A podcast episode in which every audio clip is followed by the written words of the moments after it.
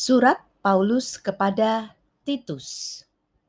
Titus bab 1.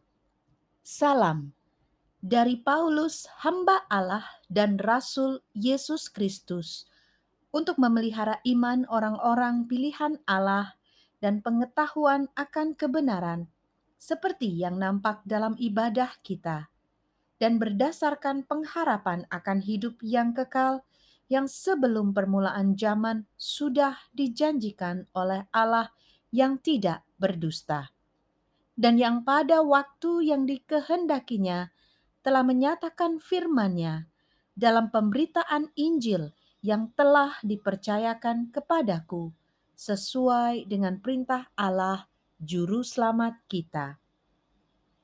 Kepada Titus anakku yang sah menurut iman kita bersama, kasih karunia dan damai sejahtera dari Allah Bapa dan Kristus Yesus, Juru Selamat kita, menyertai engkau.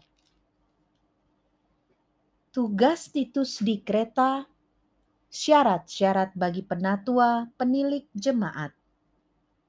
Aku telah meninggalkan engkau di kereta dengan maksud ini, supaya engkau mengatur apa yang masih perlu diatur dan supaya engkau menetapkan penatua-penatua di setiap kota, seperti yang telah kupesankan kepadamu, yakni orang-orang yang tak bercacat, yang mempunyai hanya satu istri, yang anak-anaknya hidup beriman, dan tidak dapat dituduh karena hidup tidak senonoh atau hidup tidak tertib.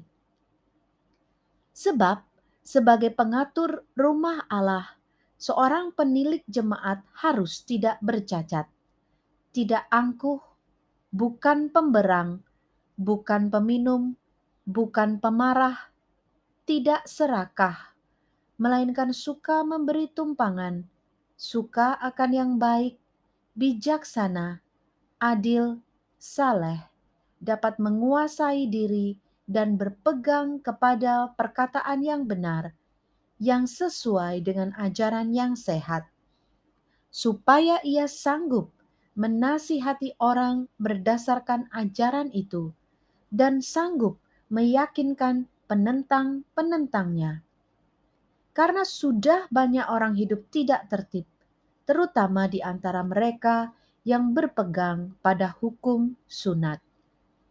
Dengan omongan yang sia-sia, mereka menyesatkan pikiran Orang-orang semacam itu harus ditutup mulutnya, karena mereka mengacau banyak keluarga dengan mengajarkan yang tidak-tidak untuk mendapat untung yang memalukan. Seorang dari kalangan mereka, nabi mereka sendiri, pernah berkata, "Dasar orang kereta pembohong, binatang buas, pelahap yang malas." Kesaksian itu benar. Karena itu, tegurlah mereka dengan tegas, supaya mereka menjadi sehat dalam iman dan tidak lagi mengindahkan dongeng-dongeng Yahudi dan hukum-hukum manusia yang berpaling dari kebenaran. Bagi orang suci, semuanya suci, tetapi bagi orang najis dan bagi orang tidak beriman, suatu pun tidak ada yang suci, karena baik akal maupun suara hati mereka najis. Mereka mengaku mengenal Allah, tetapi dengan perbuatan mereka, mereka menyangkal Dia. Mereka keji dan durhaka, dan tidak sanggup berbuat sesuatu yang baik. Demikianlah sabda Tuhan. Syukur kepada Allah.